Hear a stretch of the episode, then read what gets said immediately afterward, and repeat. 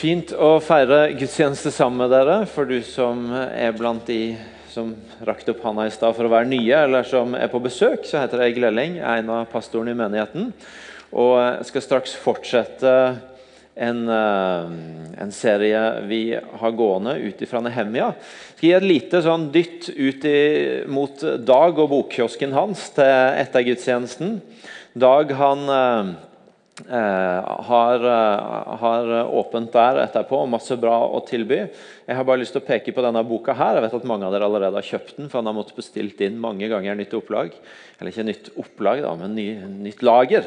Eh, den heter 'Strømmer av nåde' og er historien skrevet av Roy Goodwin om et eh, i utgangspunktet lite og litt anonymt bønne- og retreatsenter ute på landsbygda i Wales som har noen helt enorme historier å fortelle nettopp om hva som skjer når Den hellige ånd får plass til å virke iblant oss, og når noen lager til et sted av bønn og av frihet for Den hellige ånd til å møte menneskers liv. Den er utrolig lettlest, den er så inspirerende, for den har så mange konkrete historier. Eh, og den inspirerer til et liv i bønn, og til et liv hvor han blir bedre kjent med Den hellige ånd og hva han kan gjøre. Så eh, Jeg vil bare anbefale den. Bare 200 kroner ute hos Dag. Sjekk ut den etterpå. Så skal vi se på det som er fokus i dag. Og det har jeg lyst til å begynne med å fortelle om Denne uka så fikk jeg gjøre noe som jeg innimellom får gjøre i min jobb, som er utrolig kjekt, og som dere gir meg mulighet til å gjøre. Eh, fordi at eh, Om søndagene så samler vi inn kollekter. og eh, En del av søndagene så gir vi til og velsigner mennesker og, og arbeid rundt om i regionen her. Og Første søndag i høstferien, det tror jeg blir 8. oktober, så ga vi til et arbeid på Jørpeland som heter I mammas mage.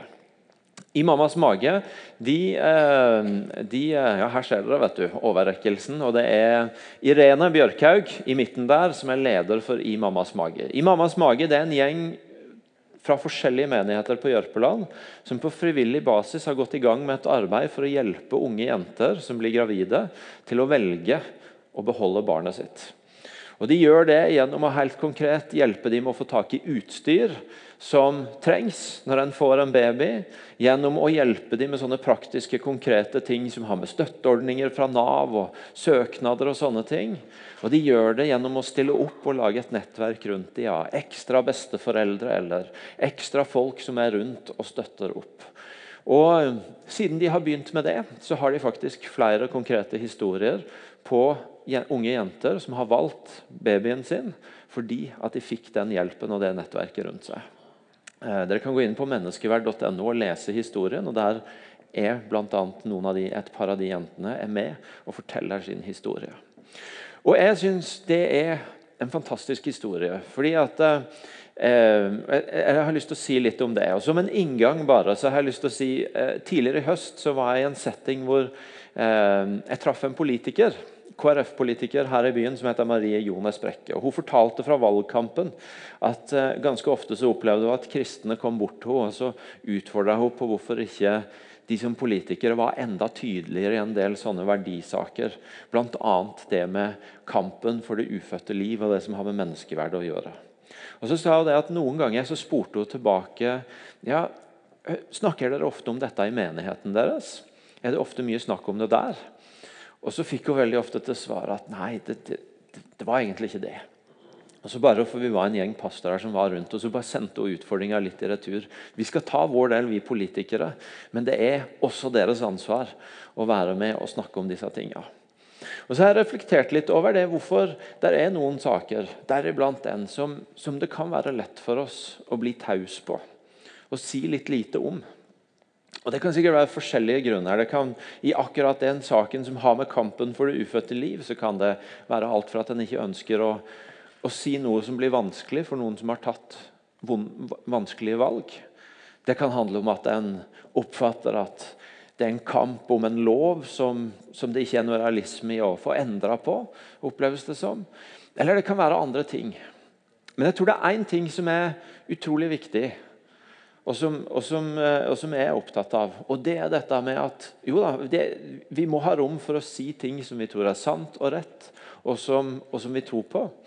Men jeg er utrolig opptatt av at jeg tror ikke det er meninga for oss som kirke at vi, vår stemme bare skal bli én av mange mange meninger i samfunnet rundt oss.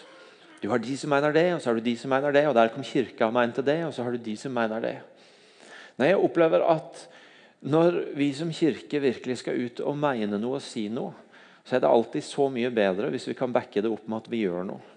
At vi ikke bare er en av mange meninger, men at vi også er en del av løsninga på noen av de utfordringene som, som møter oss. Og Derfor syns jeg det er så fantastisk, det arbeidet der. fordi at Det blir ikke bare en mening, men det blir faktisk noen som modellerer at vi som kirke kan være med på å også bringe en løsning i kampen for det ufødte og mest sårbare livet.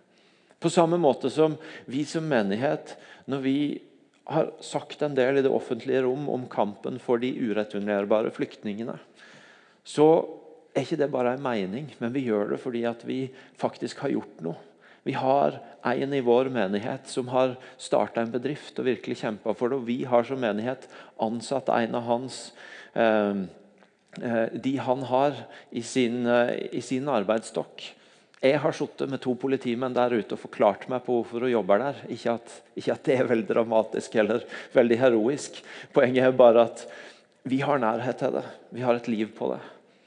Eller når, vi, når flyktningkrisa kom i Syria, eh, fra, med, med, flyktningene fra Syria høsten 2015, og vi tok til orde og sa vi syns at den rikeste byen i det rikeste landet skal kunne ta imot enda flere av de som nå kommer, så kunne vi backe det opp med at eh, mange av dere sa vi kan åpne hjemmet vårt for en periode og ta imot dem. Og så blir det ikke bare én av mange meninger, men det blir en stemme som blir en del av en løsning. Og Sånn kunne en fortsette å snakke om. Jeg tror at For kirka så er det så viktig at vi ikke bare blir en av mange meninger, men at vi er en del av en løsning. Dere ga 37 000 en sånn høstferiesøndag, som ofte ikke bruker å ha de høyeste kollektene. Det betyr at dere òg engasjerte dere. Det var fantastisk å få gi den oppmuntringa til Irene og den gjengen der. Og Dere kan gjerne klappe for at det ble kollekten, for det var utrolig gøy å gi. Og så har vi Denne høsten så leser vi Nehemja. Og, og han, eller De siste månedene har vi lest Nehemja. Og Han er nettopp et eksempel på en som ikke bare mener noe, men som er en historie om som blir en del av en løsning. Nehemjas bok begynner med at Nehemja får høre om hva som er tilstanden i Jerusalem. Han får høre om tilstanden som er, som er i hjemlandet, blant det folket han egentlig hører til, men som nå er i eksil. Han spør noen som kommer på besøk, som har sluppet unna fangenskapet, og så svarer de de som har sluppet unna fangenskapet der i provinsen, er i stor ulykke og vanære. Muren rundt Jerusalem er brutt ned, og portene er brent opp. Da jeg hørte dette, satte jeg meg ned og gråt. Jeg sørga i flere dager. Jeg fasta og ba til himmelens Gud. Nehemja han oppdager noe som, som opprører han, som gjør han vondt, som, som får han til å sørge. Og så blir ikke det i hans liv bare til en mening om at å, så forferdelig det der greiene hjemme i Jerusalem. Men så fortsetter de neste kapitlene med å fortelle hvordan han begynner med å be til Gud. Gud, hør min bønn. Husk på det du har lovt, om at hvis vi vender om, så skal du ta oss tilbake igjen. Og Så går han til sjefen sin, kongen, og så spør han kan jeg få reise på besøk. Kan jeg få reise til mitt folk og se åssen det står til? Og Kan du sende med meg brev som jeg trenger for å kunne komme trygt dit og få de materialene jeg trenger? Og Så står det om hvordan han begynner å ri rundt og inspisere murene og se tilstanden. Og Så samler han arbeidslag etter arbeidslag og så begynner de å bygge opp igjen byen. Nehemja blir ikke bare en som mener noe om det som før var, og det som nå er i Jerusalem. Men han blir en som lar seg berøre av noe han får høre. Og Så begynner han å be og leite etter hvordan han kan bli en del av en løsning. Og Det tror jeg er så viktig for oss som kirke, og for de av oss som tror, å, eh, å få tak i. At når noe i omgivelsene våre, når noe i nabolaget vårt, på arbeidsplassen vår, i byen vår, i verden rundt oss berører oss, utfordrer oss, tar tak i oss, så må vi alltid prøve å leite etter hvordan kan jeg komme inn på et spor hvor jeg ikke bare ender opp med en mening om dette, men hvor jeg på et eller annet vis finner ut hvordan jeg kan bli en del av et svar på det. Som Nehemia så kan det først drive oss til bønn. Men så er spørsmålet hvordan bønnen igjen driver oss ut i noe som gjør at vi ikke bare mener, men handler. Det er en del av det vi møter i Nehemia, og jeg tror det er så viktig for oss å få tak i. Og Så har Nehemia en del andre sånne både-og også, som vi skal se på i dag. Først både ord og handling. Og så er det sånn her i livet at En del ganger så bestreber vi balansen. Det å havne på midten i litt av hvert. Litt ord og litt handling, som vi har snakka om nå. Men så vet vi at i en god del tilfeller så er noe av poenget å ha både og. Å kunne både være sterk på den sida og samtidig på den sida. Jeg mener ikke at vi skal så vidt si noe om kampen for det ufødte liv, og så finner vi litt å gjøre her. Nei, jeg tror det er viktig at vi sier noe om menneskeverdet. Men jeg tror også det er viktig at vi har en handling på det. På samme måte som jeg tror det er rett at Nehemia setter ord på at sånn som det er nå, blant hans folk og i hans by Jerusalem, skal det ikke være. Men han blir også en del av løsninga på det. Og Det neste, både og i Nehemia, det handler om den store visjonen og de små og viktige detaljene. Fordi Nehemia han har en stor visjon når han reiser hjem til Jerusalem. Han sier i kapittel 2, vers 17 til folk rundt Dere ser hvor ille vi har det her. Jerusalem ligger i ruiner, og portene er brent opp. Kom, la oss bygge opp igjen muren rundt Jerusalem så vi ikke lenger må leve i vanære. Kom, la oss bygge opp igjen en stor visjon. La oss bygge opp igjen muren, la oss bygge opp igjen hele byen. Og Samtidig som Nehemia har denne store visjonen, så ser vi hvordan han har en evne til å ut ifra det se de mange små tingene som er viktige for å komme dit. Hvordan det står om at han på nattestid rir rundt for å se på muren hvor de forskjellige delene står. Hvordan når han setter i gang folket, hvordan vi ser i kapittel 3 at eh, noen står og ordner med noen dører og bolter, og noen står og tetter noen hull i muren. og Noen tar seg av den delen, og noen tar seg av den delen. Han, han, han tenker ikke bare på det store bildet, men det store bildet får han til å tenke på de små, viktige tinga som tar han til den, det målet han, og den visjonen han har.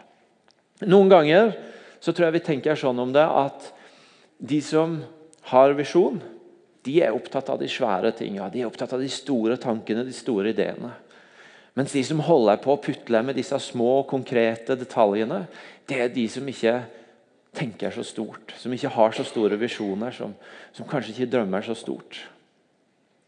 Men veldig ofte så er det egentlig sånn at det er nettopp fordi at du har et stort bilde, en stor visjon, at du ser betydninga av å gjøre de små, konkrete tinga som tar deg på veien mot det bildet.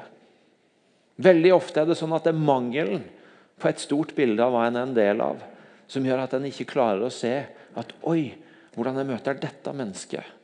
Hvordan jeg tar tak i denne konkrete utfordringa her. Hvordan jeg, hvordan jeg går inn i det som ligger foran meg nå. Det har noe å si for om jeg kommer dit vi skal eller ikke. Jeg tror ofte vi tar feil når vi deler hverandre inn i de som bare tenker de store tankene som de visjonære, og, og de små detaljfokuserte som konkretene som, som, de som ikke har så høyt blikk. Jeg tror snarere tvert imot at, at det er nettopp den store visjonen som trengs for å se betydninga av de små, konkrete tinga. Vi, vi har de av oss som er foreldre, de gangene vi kommer hjem og barna våre oppleves som en forstyrrelse, så er det neppe fordi at vi går og bærer på en større og bedre visjon som er mye viktigere. Men det er antagelig at vi har mista av syne den drømmen vi har for barna våre, for relasjonen til barna våre, for hvor vi vil være med det i det lange bildet.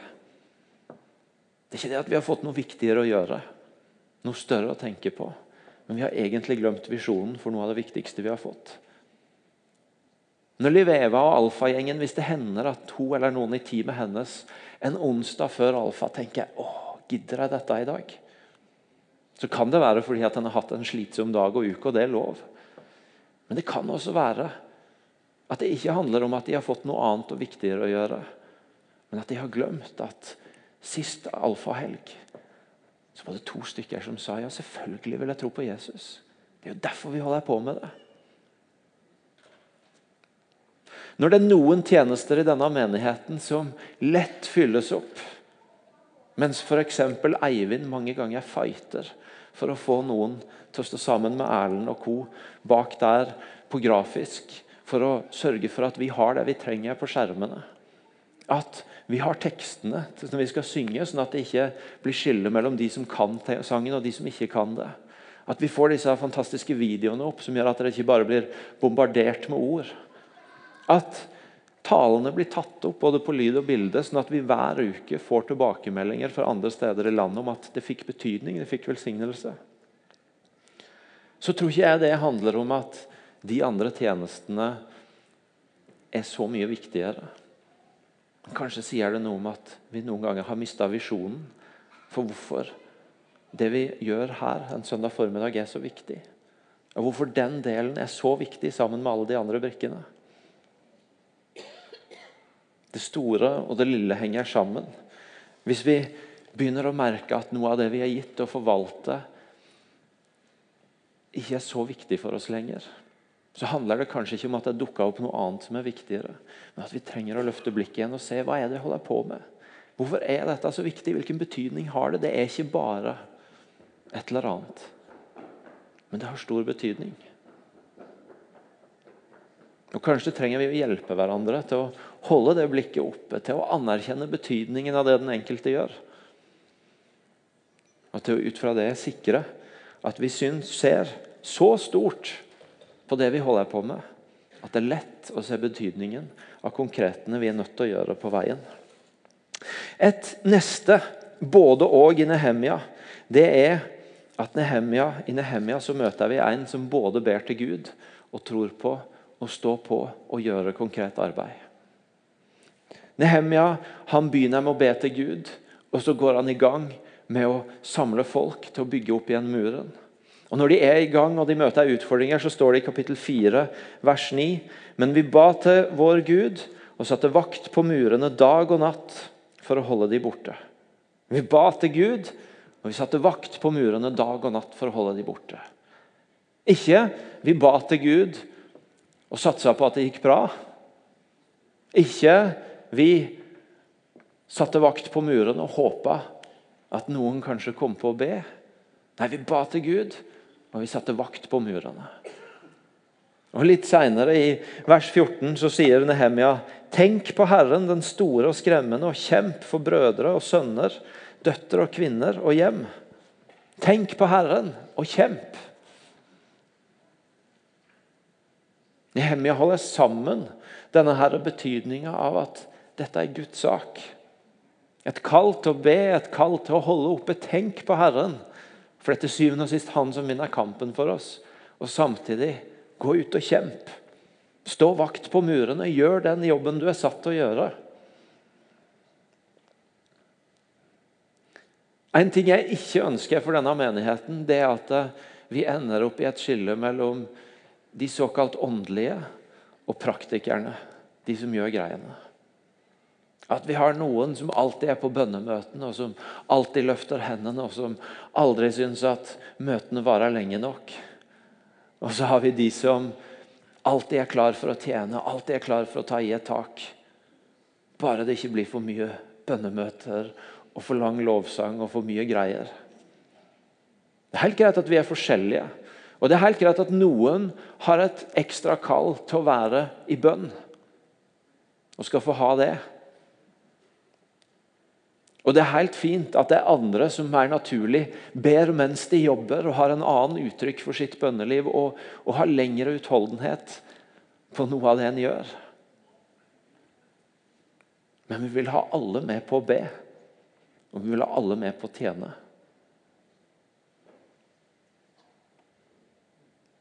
Vi vil ha alle inn i bønnehuset og kjenne at det er en del av det å tjene her, er å søke Gud før vi kjemper. Men vi vil ha alle ut av bønnehuset også, og inn i en tjeneste hvor du er med og jobber og bidrar. Fikk en snap denne morgenen fra potensielt noen ekstra ivrige som var en time før alle oss andre i bønnehuset. Om det hadde med klokkestilling å gjøre eller bønneiver, det er litt uklart. Men eh, ja, det, det kan jo, en kan jo la seg inspirere av det. Både bønn og tjeneste. Et neste både-og i Nehemia det å både høre på det som kommer av innspill, av eh, utfordring, og samtidig kunne ha evnen til å stå imot kritikk. Fordi Nehemia han oppdager i kapittel 5 så kommer, noen, så kommer det et klagerop fra folket og kvinnene mot de judeiske brødrene. Det er en, det er en type intern strid. Og De sier at med sønnene og døtrene våre er vi mange. Vi må ha korn, og, korn så vi kan spise og leve. Åkrene, vinmarkene og husene våre gir vi i pant for å få korn mot sulten. Og vi låner penger på åkrene og vinmarkene våre til skatt for kongen. Og Så fortelles det om hvordan de ender opp som slaver av stormenn i sitt eget folk. Fordi at eh, de blir drevet så hardt, og, og, de, og de, har ikke alt de trenger. Og, um, og så er det noen som utnytter det. Og Så kommer denne uroen, denne klagen, egentlig dette sinnet fra noen opp for Nehemia. Og Så ser vi hvordan han stopper opp og tar tak i det. Og Det står at han da jeg hørte klageropene og det de fortalte, så ble jeg svært sint. Men hjertet mitt ga meg råd, og jeg irettesatte de fremste og stormennene og sa til dem, krever dere inn noe dere har lånt ut til deres egne brødre? Så innkalte jeg til et folkemøte om dette. Nehemja han responderer på uroen, på klagen, på misnøyen han møter i folket. Han tar tak, han kaller inn til folkemøte, han, han snakker noen som trenger det til rette. Og Samtidig så leser vi egentlig gjennom hele historien hvordan Nehemia har noen som bare er etter han for å klage på han og hindre han og skape forvirring og, og stå imot han.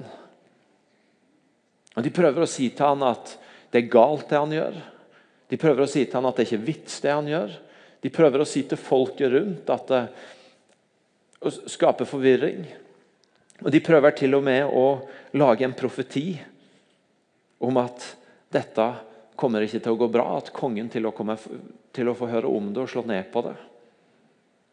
Så sier Nehemja i kapittel 6 at ingenting av det du sier, har skjedd. Dette er noe du sjøl har funnet på. En som kommer og sier at dette kommer til å skje, og, og, og nærmest framstiller det som en profeti. Og, og der Nehemja i kapittel 5 får klageropet fra folket. Oi, stopper opp. La oss kalle sammen til et folkemøte. Dette må vi finne ut av. Så stiller han seg plutselig opp og sier Nei, men ingenting av det du sier, har skjedd. Dette er noe du har funnet på. Jeg tror ikke det du sier, er sant. Nehemia evner både å ta inn viktige ting som skjer i folket, og han evner samtidig å avkle de som ikke er til hjelp, og som det ikke er vits i å høre på, og som egentlig bare vil stoppe opp veien mot den visjonen Gud har gitt ham. Det er også en del av livet vårt. Det å kunne ta inn, alltid kunne lære, alltid kunne være åpne for at oi, her er det noe vi må justere, her er det noe vi må lære mer om, her er det noe som, som kan oss annerledes. Og Samtidig kunne være oppmerksom på at det er stemmer som lyder, som vi faktisk ikke kan høre på. Fordi det eneste de er ute etter, er det å stoppe mot det mandatet Gud har gitt oss. Og Dette er relevant for oss i IMI òg, og for dere som er en del av IMI. fordi dere vet at dere er en del av en menighet som det innimellom snakkes litt om og skrives litt om, og er litt greia rundt. Og Vi skal selvfølgelig alltid være ydmyke i møte med det, for at ja, det kan være at det noen ganger kommer ting som vi må lære av. Og Samtidig har vi måttet lære oss å si at eh, de må få lov til å snakke der ute, men vi må være tro mot det vi er gitt å gjøre, og holde retninga på det. Og Hvis du er en del av denne menigheten, så kan jeg dessverre ikke love deg at det kommer til å bli bedre i framtida. Det er ganske sannsynlig at det kommer til å bli skrevet igjen. At noen kommer til å mene noe igjen. At du igjen må svare overfor en kollega eller et familiemedlem på hva er det egentlig dere holder på med der borte.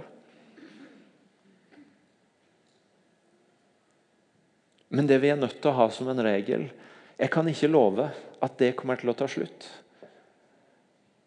Men jeg håper jeg snakker sant når jeg sier at du har alltid lov til å spørre. Du har alltid lov til å komme og si at dette er vanskelig. Du har alltid lov til å komme og si hva er det egentlig dere holder på med? Folk spør meg, og jeg vet ikke hva jeg skal svare. Eller hvorfor gjør dere sånn? Hva tenker dere om det?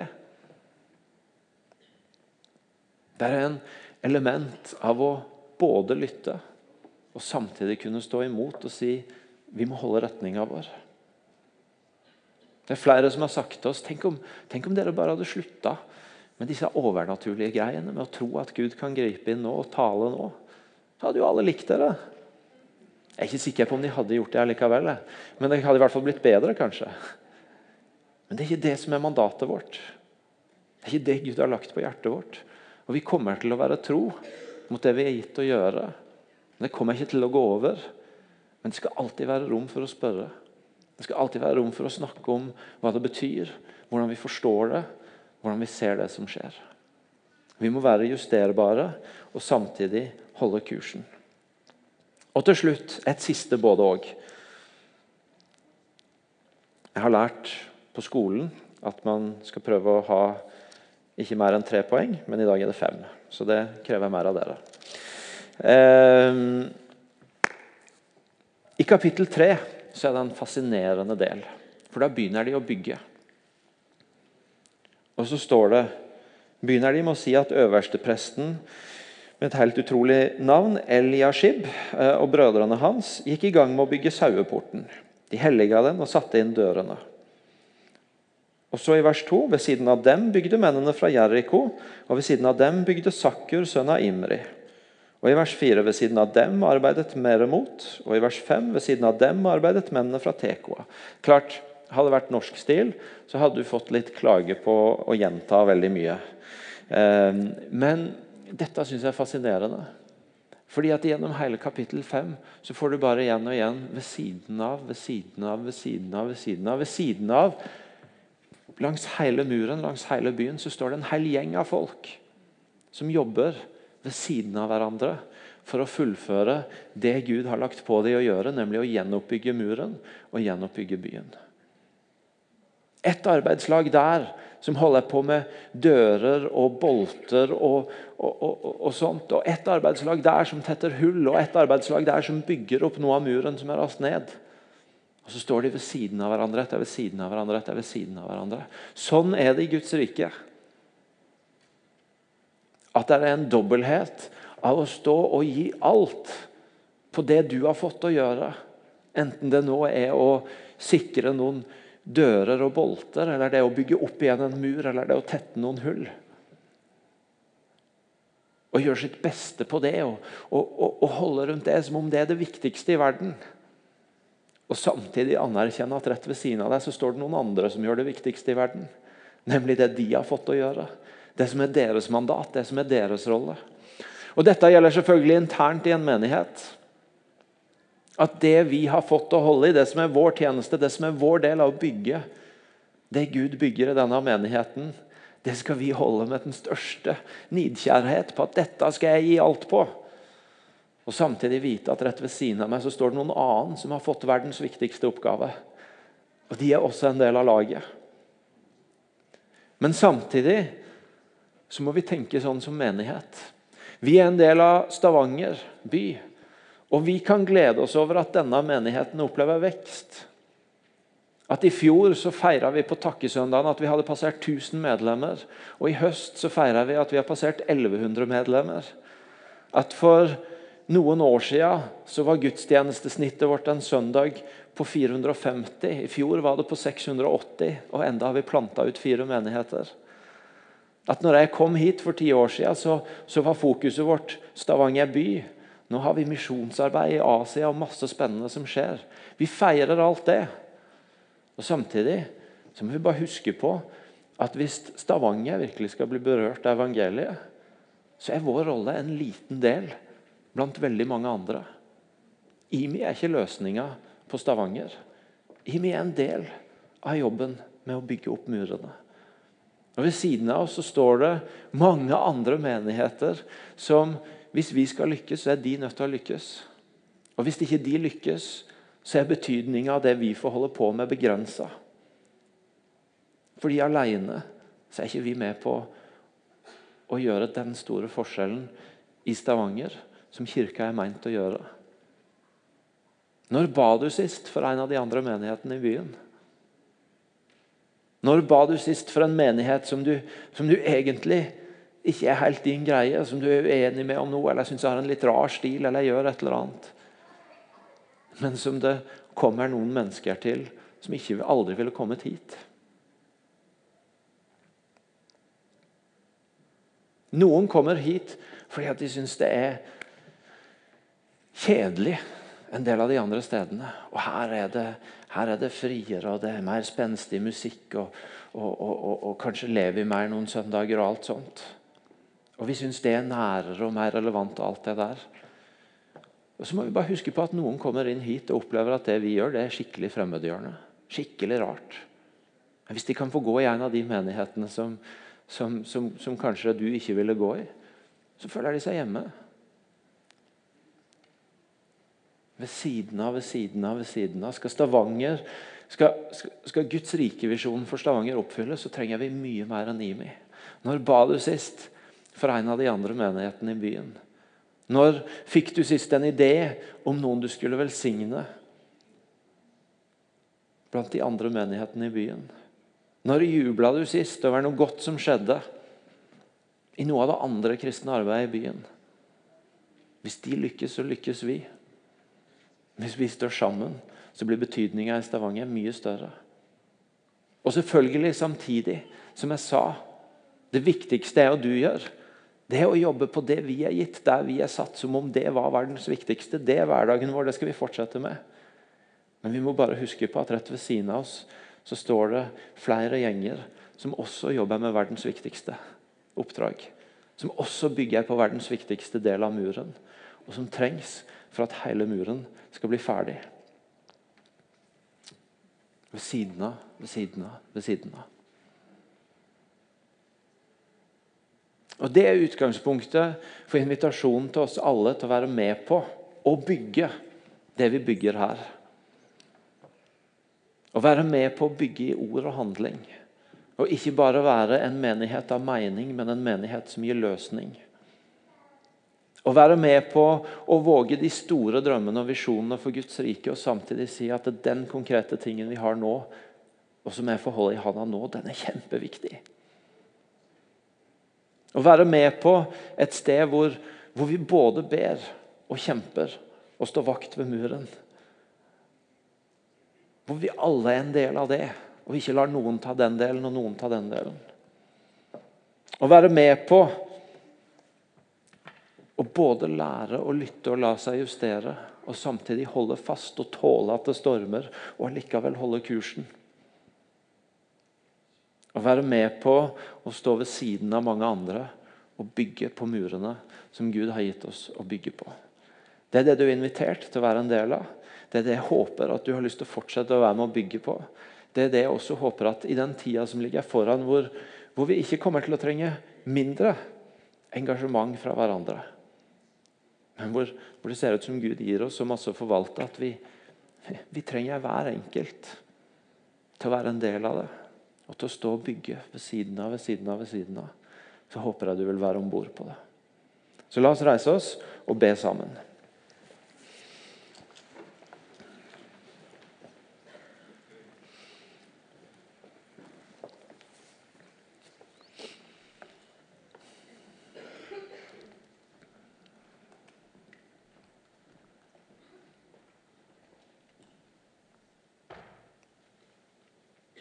Jesus, eh, takk for de blant oss som, som akkurat i disse dager opplever at noe i omgivelsene berører de, slik Nehemia ble berørt. Og som derfor akkurat i disse dager står på valget mellom å ende opp med en mening eller bli en del av en løsning. La denne formiddagen bli et sånt første øyeblikk for en bønn om hva det er du vil gjøre, som blir starten på en vei mot å bety en løsning. For den familien som har, har havna på hjertet, for, for den situasjonen på arbeidsplassen, for den utfordringa i nabolaget, for den saken en ser i verden rundt. Driv oss mot du, og driv oss ut til å være en del av løsninga.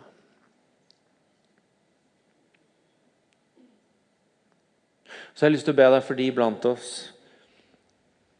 som akkurat i denne tida egentlig trenger å få løfta visjonen igjen. Som opplever at noen av konkretene de står i, er tunge. Ikke egentlig fordi at de er blitt mindre viktige, men fordi en har glemt det store bildet. La den tida vi nå skal ha sammen i tilbedelse, bli ei tid for å bli minna om hva det egentlig handler om. Hvorfor en er en del av det.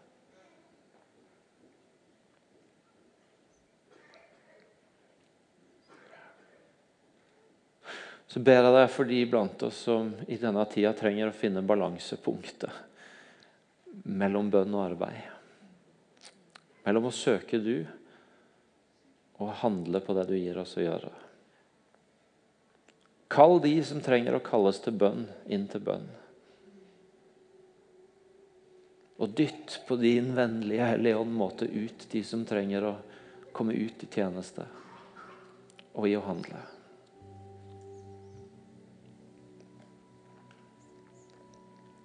Jeg ber deg for de blant oss som dras mellom alle stemmene. Hva skal en høre på, og hva skal en stå imot og holde kurs på? Det er ingen steder som er bedre enn i nærheten av du, Gud, til å finne ut hvilke stemmer som kommer fra hvilken kilde. Så hjelp oss å skille, som menighet og som enkeltmennesker. Og Så har vi til slutt lyst til å be for alle menighetene i denne byen. Takker deg for at de er der. Takker deg for at mange av de er annerledes enn oss. Takker deg for at de når andre mennesker enn oss. Takker deg for det unike oppdraget du har gitt til hver enkelt av de. Jeg takker deg for de som syns lite, men som er trofast i det de har gjort. Jeg takker deg for de som syns mye, og som får oppleve spennende ting. Og jeg ber deg om at de skal lykkes.